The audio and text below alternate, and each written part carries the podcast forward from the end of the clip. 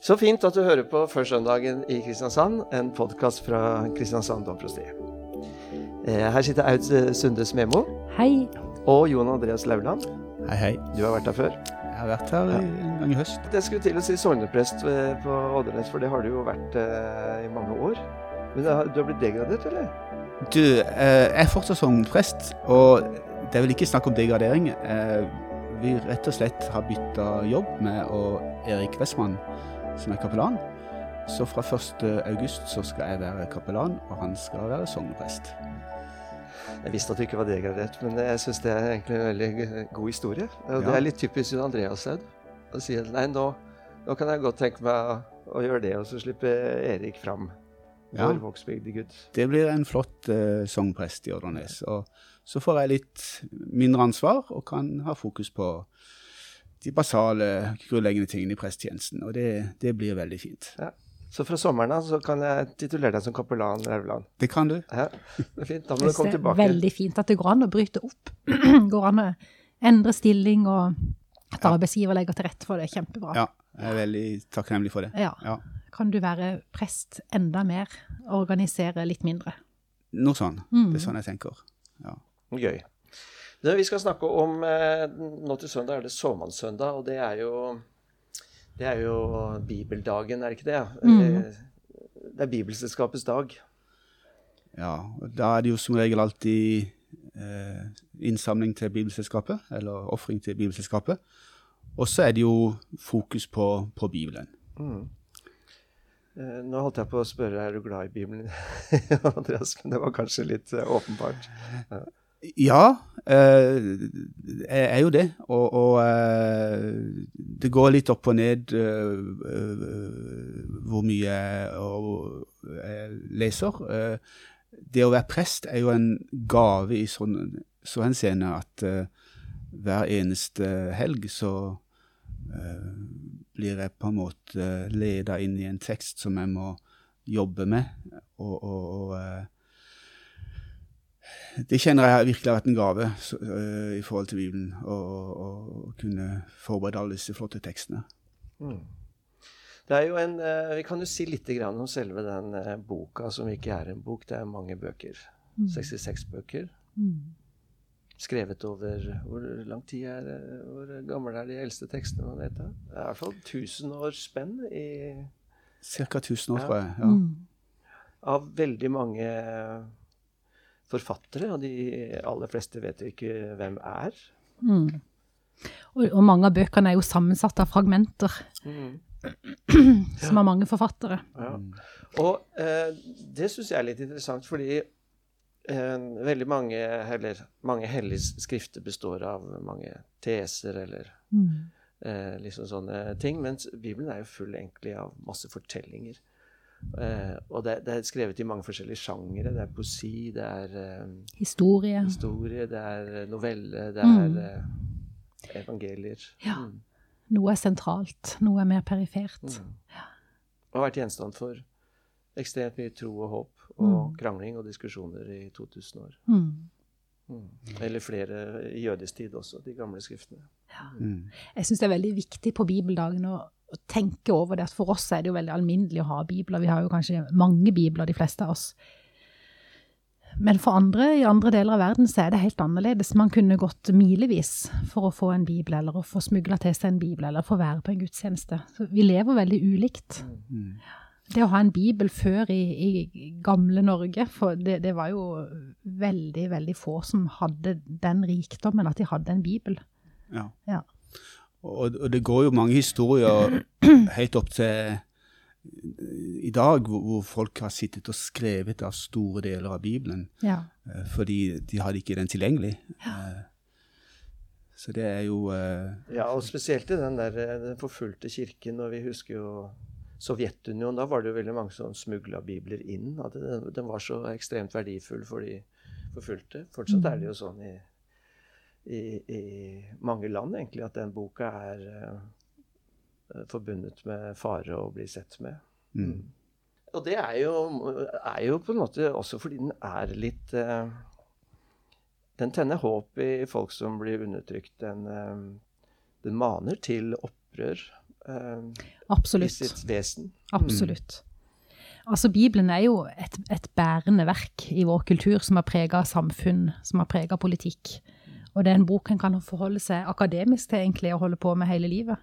En kan forholde seg eksistensielt til den og finne næring for troen. Så det, Bibelen er utrolig mye og veldig, veldig stor.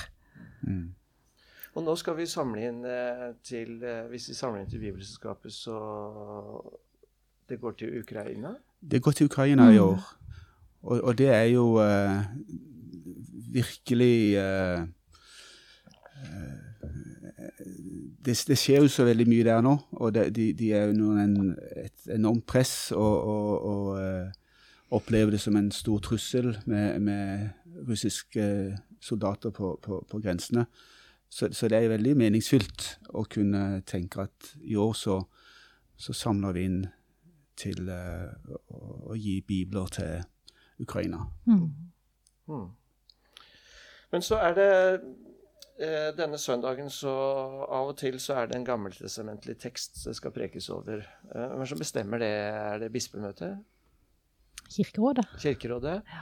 Eh, Men nå har de jo bestemt at eh, sånn for framtiden så skal det stort sett bare være evangeliet det skal prekes over. Men, eh, Det er også berikende å preke over Gammeltestamentekstene. og særlig denne teksten her syns jeg er veldig spennende. Mm. Den står i, i femte Mosebok, kapittel 6 Kan du lese, Jon Andreas? Ja. Det er femte Mosebok, kapittel 6, vers 1-9. Dette er de budene, forskriftene og lovene som Herren deres Gud har pålagt meg å lære dere, for at dere skal leve etter dem i det landet dere går inn i, og skal legge under dere. Du skal frykte Herren din Gud så lenge du lever, og holde alle hans bud og forskrifter som, deg, som jeg gir deg, både du og din sønn og din sønnesønn, og du skal få et langt liv.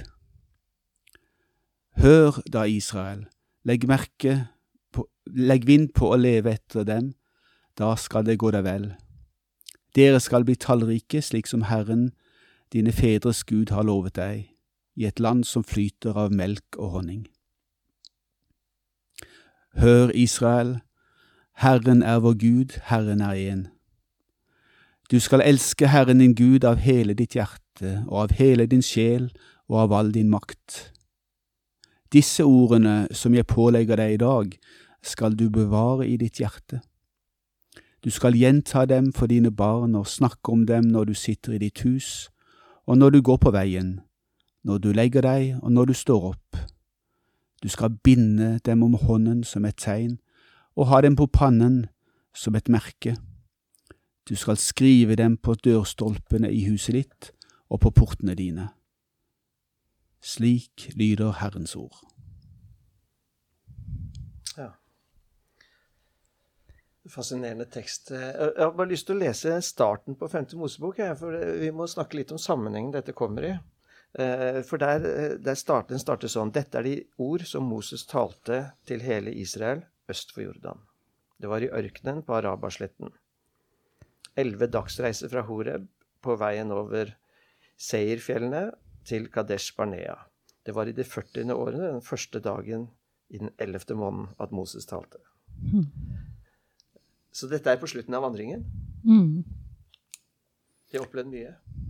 De har opplevd mye. De har vært i Egypt, i, i slaveri. Og de har blitt eh, De har jo vært i Egypt hvor de har altså en helt annen religion. De har eh, Jeg har lest at i gamle Egypt hadde noe omkring eh, 1500 forskjellige guder og gudinner, så det er jo en veldig pluralisme. Absolutt ikke en monotisme som de møter her, men det er en, en helt annen forståelse av, av hvem Gud er, og gudeverden. Um, så de har, jo, de har jo vært et sted hvor deres egen religion, eh, deres egen eh, kultur, alt det de bærer med seg som folk, har blitt undertrykt. Og så har de ropt, og så har de klagd, og Gud har hørt de igjen og igjen. Og så har han ledet de gjennom denne lange vandringen, og de har ropt og ropt og klagd og klagd. Og så er det da Gud som kommer til de og gir de disse ordene som er en trosbekjennelse, hvor han forteller at han er deres Gud. Her er lovene, her er, her er det som skal gi dere en identitet som folk, egentlig. Det er veldig fascinerende at, eh, at de har klart å holde på denne Det har jo vært et lite fislete folk i en verden med eh, enormt mange guder Mm. og mektige riker. Eh, de har klart å holde på den troen på den ene Gud. Det er ganske unikt, eller det var jo unikt. Eh, og det er unikt at de klarer å holde på det gjennom hele historien. De har vært inneklemt mellom alle riker hele tiden og, og, og sånt. Mm. Dette har de holdt fast på. Mm. Det ene Gud. Det, det, altså, dette er det som de skal ta med seg når de går inn i det landet de skal legge under seg. Mm. Og så er det dette i, i disse ordene som er egentlig ganske tettpakka, så ligger det altså Gud er én, og Gud er skaper. I det så ligger det også at når Gud er én, og Gud har skapt alt, så er det også én menneskehet. Vi tilhører hverandre. Eh, og dermed så blir denne trosbekjennelsen som jødene her får, den blir noe mer enn noe åndelig i hodet, eller noe jeg bestemmer meg for å tro på. Men det blir jo også en trosbekjennelse som fører til handling, nemlig å elske denne menneskeheten. Mm. Og det, det gjenspeiler jo også loven som de fikk. At, Mm. eh, at eh, dette var et folk, men folk kunne bli en del Fremmede kunne bli en del av dette folket. Mm. Eh, De skulle ta vel imot innvandrere og sånt. Mm. Og det er litt pussig dette med dette som et folk, fordi at Abraham ble jo kalt ut av sitt, vekk fra sitt hjem, fra sitt sted, fra sitt folk, sin ett, for å Så her, her ska, det skapes et folk som eh, ikke i utgangspunktet er etnisk, men som er et folk ut fra eh, loven Mm. eh, som, eh, som gis. Så denne, denne loven er jo også en slags sånn samfunnsplan. Da. En, en, eh, et sånt folk skal leve på jorden som følger disse. Og så har det jo vært så som så med det, men eh, det var på en måte Det ligger til grunn. Så det er en veldig sånn identitet i denne loven, tenker jeg. Det er en identitetsmarkør, dette her. Det er det jo i og for seg. Det kjenner vi jo igjen egentlig fra 17. mai i Norge, at vi går jo et tog fordi vi fikk en grunnlov. Hvor viktig det er for et folk å ha en, en lov. Da. Mm. Og- Og så er, er eh, loven er en sånn, virkelig sånn identitetsmarkør. Og så eh, Det ble jo også sabbaten. Eh, og det ble skjema. Uh, de, de hadde noen sånne veldig markører som, som, eh, som identifiserte de som et, et folk, og, og, og bekrefta de som et folk. Mm. Jeg syns det er så viktig når vi snakker om loven, for loven får jo en veldig negativ klang i våre ører. Loven i Det gamle testamentet, som, som, vi, som absolutt også har veldig mange vanskelige sider når vi leser den nå. Men, men loven var gitt som en gave. Loven var gitt som gode grenser. Og den var også ganske radikal, som du sier, Nils Terje, i sin tid, med å ta imot innvandrere, reise opp dyr hvis de faller, selv om det er en sabbat. Eh, Fridager for Fri- okser og slaver og alle. kvinner og barn, altså. Og, og, ja. Gjeldslette. Mm. Gjeldslette, ja. Ja. Så det var jo Altså, loven er jo en form for menneskets oppreisning. Mm. Ja. Og så skjer dette rett ved Jordan. Det er en ganske interessant linje. Det skjer rett ved Jordan. For der skjedde det jo noe annet, noe Ja, det er senere. det. Seinere så står døperen Johannes og sier at det skal komme noe mer som ikke er noe som skal bryte med loven, men som skal oppfylle den. Og så kommer Jesus Mm. eh, og oppfyller loven. Så det, det går en lang linje her. Mm. Men, men eh, denne loven som de får denne dagen, det er en lov som de skal binde om hånden som et tegn, og ha den på pannen som et merke. Eh, og det hadde jo dette folket. De, de bar, bar han på kroppen sin. Ja, og, og, og noen av oss har kanskje sett det enten på bilder eller, eh, eller besøk i Israel, hvordan de, de går med eh, noen sånne eh, eh, små eh, esker rett og slett på panna. Mm. eh, Det heter mesusot. Det er det, det, er det som er på, på dørstolpen, og, og tefilin, det de har på panna. Og inni den så er det da annet eh, skjema, eh, teksten skjema. Så de bokstavelig talt bærer det på sin panne eh, og, og, og plasserer det på, på dørstolpen. De eh, ultraortodokse. De ultraortodokse, ja. Eller ortodokse, jeg vet ikke. Men eh, ja, det er jo veldig, det er interessant med denne veldig sånn konkretiseringen av eh, troen. Mm. Vi lever jo i en, i en tid og en kultur hvor eh, tro er på en måte noe man føler eller har inni seg. Mm. Men her var det veldig mange Her er det veldig, den er veldig sånn Tro er veldig handling, da. Mm. Noe man gjør. ja. Hjemme, på gata. Ja, noe man lever egentlig kontinuerlig. Ja. Og det, det, der tror jeg at vi har mista noe i vår kultur. At eh, vi, vi, vi har en idé om at eh, troen skal komme dalende ned som en sånn klar overbevisning, og at eh, da skal ting forandre seg. Eh, mens eh, vår erfaring er vel egentlig at eh, eh, at vi, vi også vi blir litt hva man gjør, da. Ja, eller gudstjenesten vår. altså Den kristne gudstjenesten er jo veldig sånn Man gjør gudstjeneste. Mm. Eh, og i den tro på at man blir formet etter hva man gjør.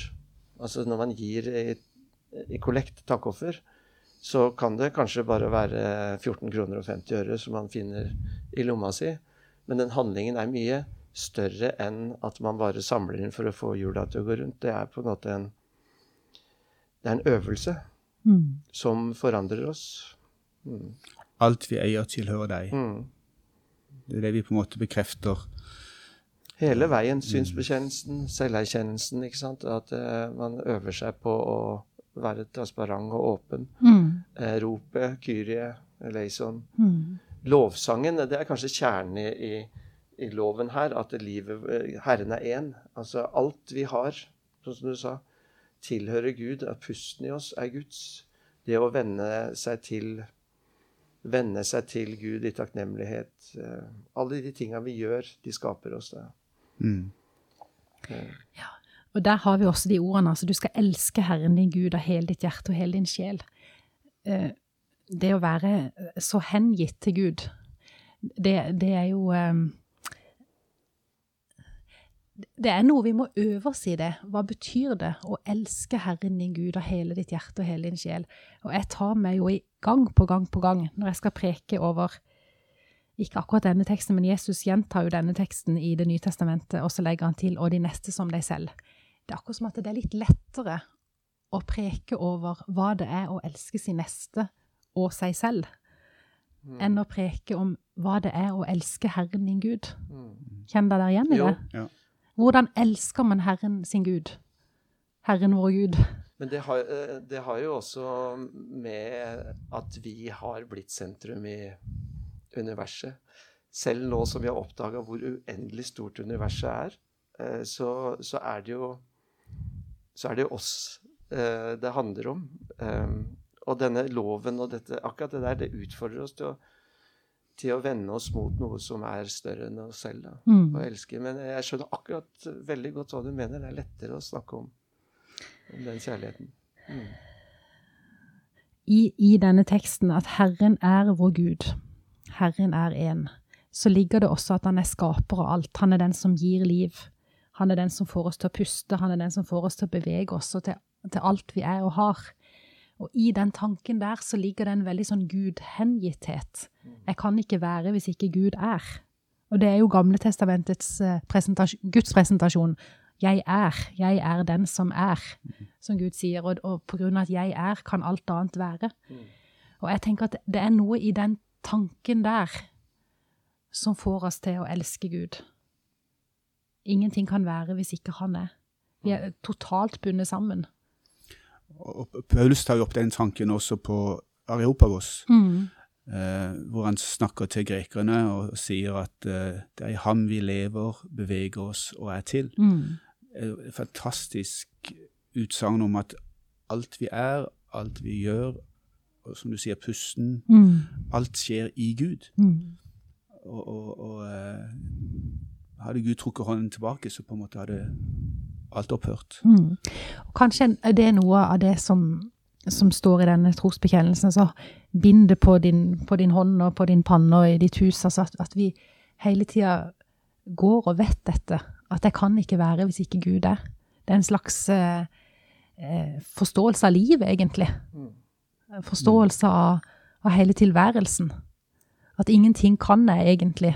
Det er Gud som gir meg alt. Og den finner du jo i de andre lovene også, dette med at man skulle ofre den første grøden.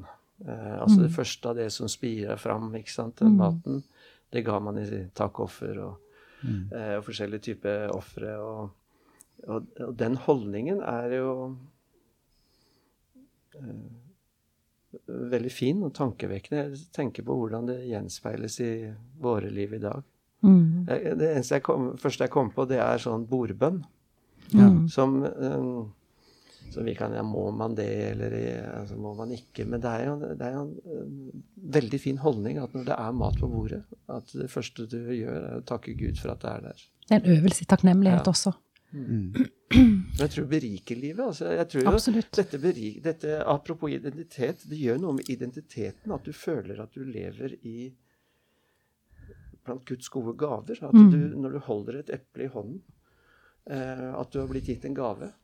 Og så binder det sammen det åndelige og den eh, fysiske verden, som, Ja. som ikke er ment å være to forskjellige ting, men som er ment å være det samme. Vi, vi takker Gud for det vi får i denne verden, ikke vel? For alt er gitt oss av Gud. Jeg, jeg tenker en bordbønn Apropos det vi snakker om her. ikke sant? Bordbønn er bekjennelse. Det er ikke bare en bønn, det er en bekjennelse hvor vi bekjenner dette er ikke noen selvfølge at vi har mat på bordet. Dette gir vi deg ære for Gud. Takk, takker deg for dette. Jeg syns det er veldig viktig denne dagen å se, at, eh, se hvor mye hvor, rikt vi, hvor mye rikt vi har fått fra Det gamle testamentet, hvor mye rikt vi har fått fra jødene. Mm. Mm. Eh, Budet om å elske, budet om å leve i dette hver eneste dag, Bud om å leve ut troen vår, og binde det fast til oss. Det er jo dypt i vår identitet. Så vi hører sammen, vi. Mm. Mm. Du sendte meg en serie for, for eh, et par uker siden uh, noe, en tekst av, av den ortodokse teologen Schmemann, som jeg syns ble så veldig flott. Han sier noe om at eh, tragedien i kristendommen er ikke kompromisset kristendommen har gjort med verden og materialismen, men tvert imot åndeliggjøringen av kristendommen at den ble omskapt til en religion. Og jeg tenker, når vi åndeliggjør kristendommen, så gjør vi på en måte Gud mindre. Da sier vi at uh, Gud er bare opptatt av, interessert i deler av livet. Så sier vi på en måte eh, Gud er opptatt av søndagen, ikke hverdagen. Gud er opptatt av fromhetslivet mitt, ikke troslivet mitt. Gud er opptatt av evigheten, ikke livet her og nå. Gud er opptatt av eh, sjelen, hva nå det er, og ikke kroppen. Mens eh, nettopp eh, denne måten å tenke på Gud på som at alt skjer i Gud, eh, hele livet, eh, hverdagslivet, alt er Gud interessert i, og alt skjer i Gud, så, blir, så gjør vi på en måte eh, tenker jeg Gud større. Eh, da opererer vi med en Gud med stor G, eh, istedenfor at vi, vi krymper Gud og, og, og reserverer han for noen sånne Setter han i andre etasje, liksom. Ja. Mm. Ikke? Schmemann sier jo Eller han sier jo på en måte at denne åndeliggjøringen gjør Den sekulariserer verden Mm. på samme måte som helt sånn ateisme andre ting. Fordi akkurat det Du dytter Gud ut av, ut av verden og gjør Gud til en sånn liksom puslete åndelig herre som bare gjør spesielle ting av og til. Mm. Som vi ikke kan forstå. Mm. Mens alt det vi lever i, ånder og puster i, det er Guds. Det er viktig, altså. Denne, denne teksten vi har lest her, den, den åndeliggjør ikke. Eh, og hele loven den handler jo nettopp om hvordan vi skal leve med hverandre og med, med Gud. Elske Gud og sin neste som seg selv. Mm. Og, og da, da blir jo på en måte invitasjonen til, til oss, tenker jeg, å, å, å få tak i hvor Gud er på ferde i mitt helt ordinære liv. I min helt ordinære hverdag. Eh, og da skal jeg ikke altså kanskje først og fremst begynne å leite i hjertet mitt etter Gud. Men, men, men, men altså Rett oppmerksomheten mot det daglige. Og se om ikke jeg kan se, finne Gud der. For, for, for hvis Gud er Gud, så må han jo finnes ikke minst der, i det daglige, det hverdagslige, det alminnelige livet. Mm. Han er jo ikke langt borte fra en eneste av oss, som Paulus sier i den talen. ja. Mm. Mm. Ja, det er viktig. Og vi lever jo i en sånn kultur hvor vi har ehm, eh, For eh, noen tiår siden så var det jo veldig viktig å ikke bli sånn utenpå-kristen. Eh, man tok et oppgjør med dette, alt dette utenpå-aktige. Ja, diafora. Ja, og, og det der at det bare var noen ting man gjorde, eller at man Jeg husker jeg hørte på sånn gospel på 80-tallet at man blir ikke På Keith Green som sa det, man blir ikke mm, kristen av å gå i kirken like lite som man blir en burger av å gå på McDonald's eller et eller annet sånt. Det, er, det er i og for seg et poeng, men så gikk det kanskje for langt. ikke sant? Han tok bort alle sånne mm, handlinger, gjøre ting. Eh, og da blei vi ensomme igjen, gitt. eh, På mange måter. Altså, for da skal troen bare være noe, nettopp noe åndelig som foregår inni oss i en verden som er liksom tappet for, for mening. da. Mm. Um, og det er ganske langt unna den uh, verden som vi har lest om i dag. Mm.